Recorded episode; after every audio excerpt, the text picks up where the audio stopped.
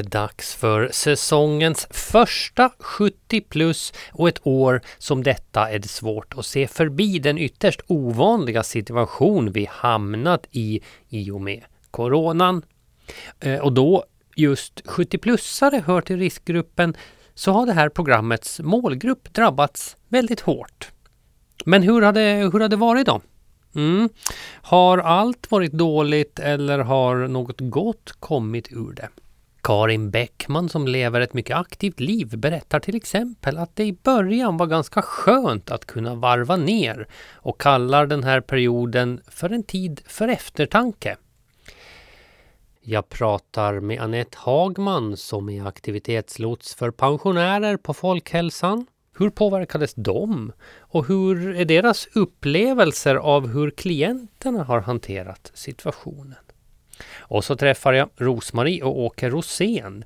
Rosmarie är pensionär men jobbade en hel del ändå, vilket hon blev tvungen att sluta med. Och Åke har nedsatt lungkapacitet och hör därmed i allra högsta grad till riskgruppen. Nå, man tänkte väl inte så mycket på det med samma utan det kom ju så småningom lite mera sen tänkande så att säga.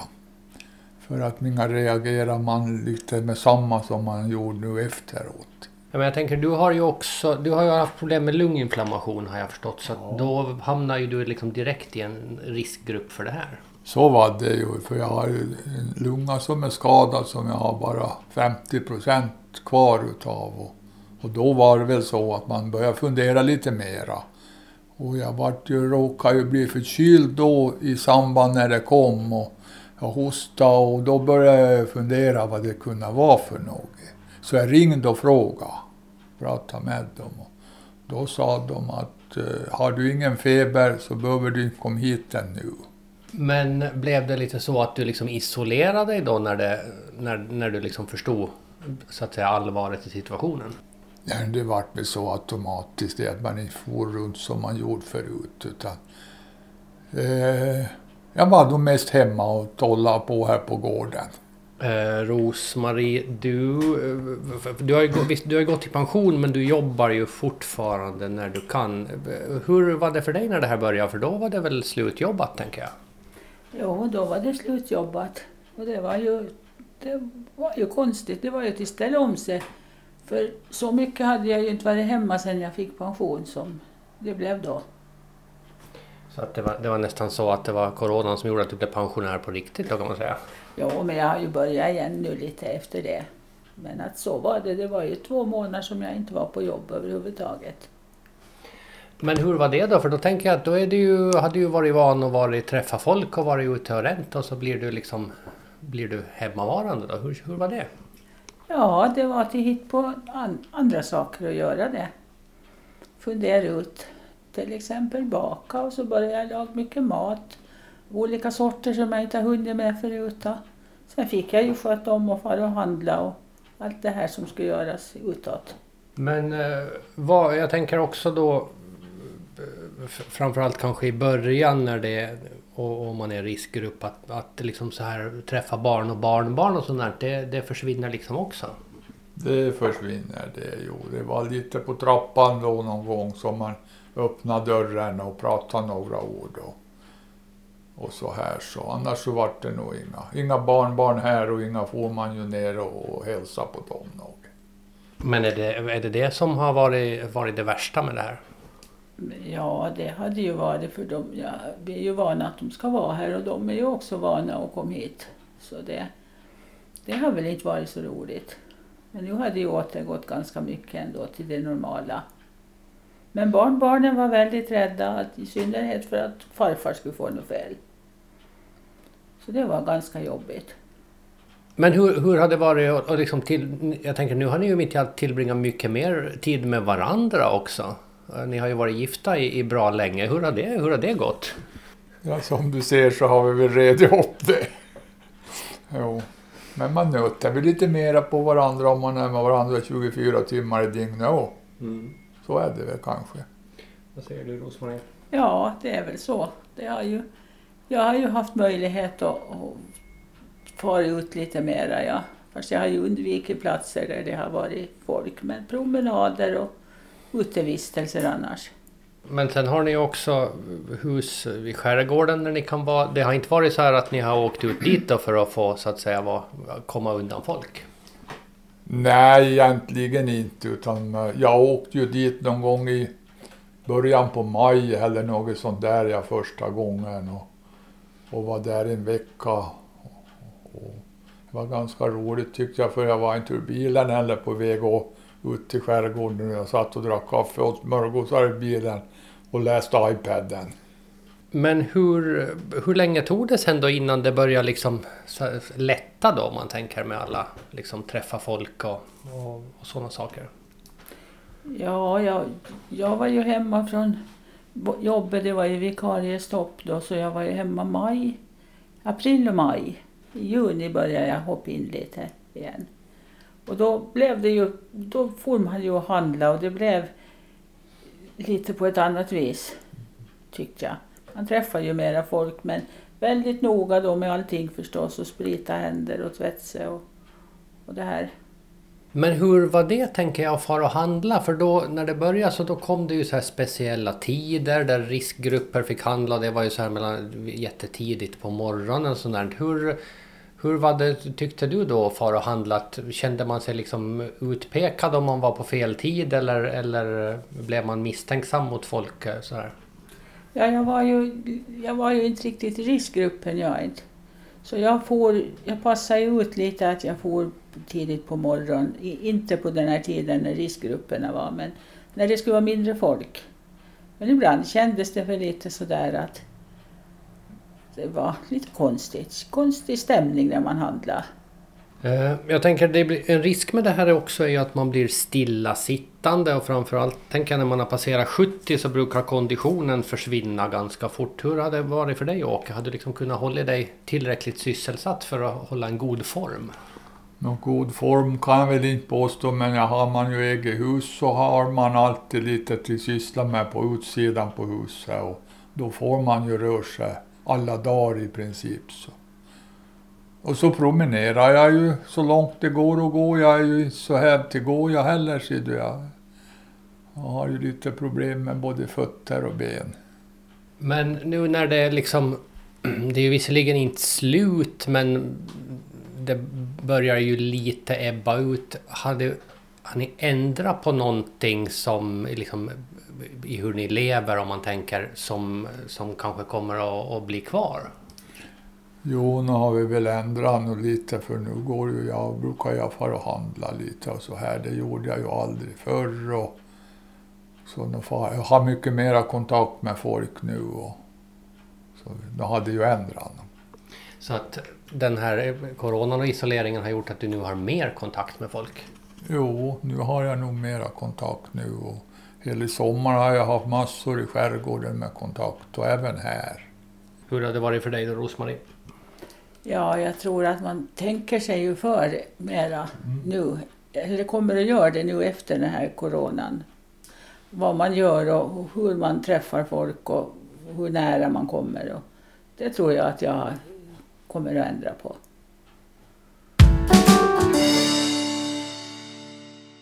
Ja, det sa Åke och Rosmarie Rosén.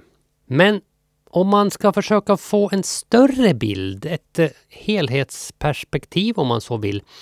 Eh, hur ska man göra då? Ja, jag vänder mig till Folkhälsan för att höra vad de säger. Där träffar jag Annette Hagman som är aktivitetslots för pensionärer eh, och börjar då med helt enkelt att fråga hur det har varit för dem.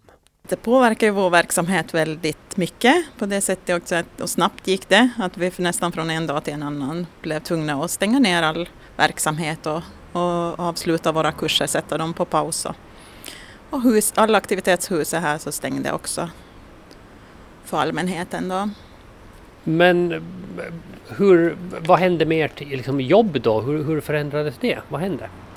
till en början så var det ju så att vi vi hade väldigt mycket kontakt med, med de här människorna som hade funnits i vår verksamhet förstås. och vi visste ju hela tiden, eller, det har ju ingen vetat hur länge det här ska pågå. Så att eh, det var ju väldigt mycket osäkerhet under hela perioden. När det började så då var det ju tal om en månad och sen blev det två och sen blev det ju liksom aldrig något riktigt slutdatum. Mm. Hur, hur fick ni, hur, hur jobbar ni efter de förutsättningarna?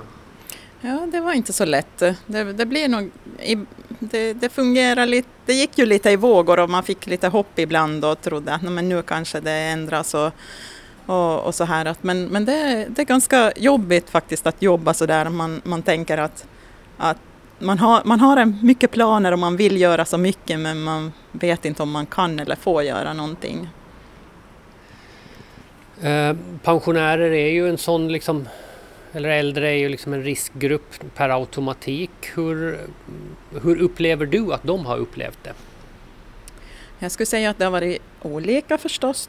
De är ju individer, precis. Ingen sån grupp som alla reagerar lika men, men eh, ja, kanske för många har det nog varit både, det har funnits både rädsla och och så här, vissa har varit mera rädda än andra, för några kanske det inte har varit påverkat så mycket, man har inte liksom tagit det så allvarligt. Eh, sen har, sen har kanske eh, vi också noterat det, så, eftersom det har pågått så länge, den här isoleringen, att, eh, att också fysiskt har man blivit sämre i skick för att man har varit, varit liksom mera inomhus. Man har inte tagit sig ut på olika evenemang som normalt och man, ja, varit, kanske den där rädslan har påverkat lite där också. Eh, många som jag har träffat nu, sen jag nu igen har börjat träffa människor, så, så säger jag också att det, det, här att man inte har träffat sina vänner som normalt, det har varit psykiskt jättetungt. Så att det, det har nog varit en, det har nog varit en svår tid för de äldre verkligen, både psykiskt och fysiskt. Och det är ju, tänker jag, att just äldre också, det är ju en, en eh, liksom ganska stor risk med att bli stillasittande, att konditionen försvinner ju rasande fort. Ja, det går väldigt, väldigt snabbt och, och det har man ju nog också noterat, eller vi har noterat på sådana personer som vi, vi känner att det, det, det kan, kan påverka deras fysiska funktionsförmåga väldigt negativt. Men jag tänker folk som bor här i huset, har de, tror du, haft en liten fördel av att de i alla fall har kunnat umgåtts inne i huset och fått den här sociala biten? Ja men det, det kanske det är för alla som har bott i någon typ av det här kollektivt på något sätt så, så kanske det har varit en, en fördel faktiskt men, men nog tror jag att de här som bor här också att, att många av dem har upplevt det ganska tungt också att det har varit, varit jobbigt att, att det är ju också väldigt många av de här äldre som har sina barn och barnbarn i Sverige till exempel och det är ju en fortsatt svår situation att det ännu inte liksom är, är så enkelt att träffa dem och så här. En annan sån sak som har påverkats är ju, är ju möjligheten att handla i vanliga butiker. Det har funnits speciella tider. Och, hade har det hörts någonting om att, att man kanske känner sig ettdera rädd eller kanske till och med lite extra påtittad om man är, handlar utanför de angivna tiderna? Nej, det har jag inte råkat på att man har, har känt sig så, men, men kanske, ja, kanske i så fall att man har, har känt sig mera osäker då, men, det, men inte att jag har upplevt att någon skulle ha sagt att de tycker att de har varit på fel tid om de har handlat någon annan tid än på morgonen. Inte saker börjar ju väl så sakta liksom komma igång igen. Hur, hur är stämningen nu? Ja, den är, den är ju smått positiv i alla fall, så här, eller mera positiv nu om vi, vi, Men det finns alltid det där om och men där i bakgrunden. Och, och man, man vågar inte riktigt lita på att det här nu kommer att hålla och att det kommer att, att få fortsätta att gå. Men vi kör igång våra kurser nu och våra grupper och vi, försöker i sakta maka att återgå till något slags normaltillstånd här också. Men, men hur visar det sig då om man är, liksom inte vågar lita på att det kommer, läget kommer att hållas stabilt? Är, det, är folk tveksamma till att åka till kurser på grund av smittorisk eller passar de på medan de arrangeras? Det där tror jag är olika också för att vi, vi har nog kanske uppfattat att det finns sådana som väljer att avboka sina platser nu för att man är fortfarande osäker på, på det här. Och vi försöker att vara väldigt, väldigt tydliga i på vilket sätt vi arbetar för att, eh, att man ska kunna tryggt komma med i vår, vår verksamhet. Men, men jag, jag tror att det finns också de som väljer att ännu avvakta. Aktivitetslots för pensionärer Annette Hagman hörde vi där. I ett tidigare program av 70 plus som handlade om social samvaro träffade vi Karin Bäckman som hade ett fullspäckat schema. Hur blev det för henne när coronan slog till? Ja, det var så, svårt. Så jag tror egentligen inte riktigt att jag fattade att det, här, att, att det här är sant. Man kunde ju inte tro att någonting sånt här kunde hända i vår värld. Som allting fungerar och allt är bra. Eh, du var ju ganska, du var ju ganska aktiv, men då, då blev det så att allting ställdes in pang bom.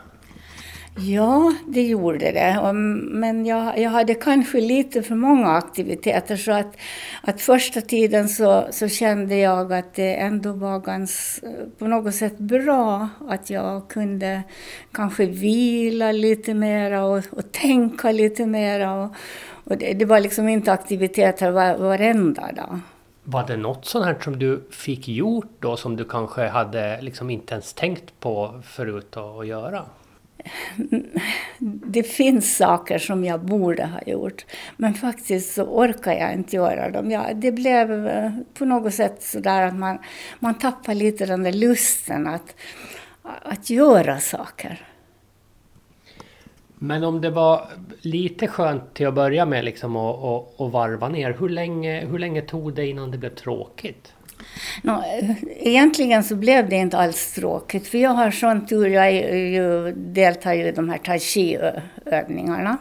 Och det hade vi ute. Så det fortsatte vi med. Och det hade vi tre gånger i veckan, så, så, så det var ju redan det en god sak.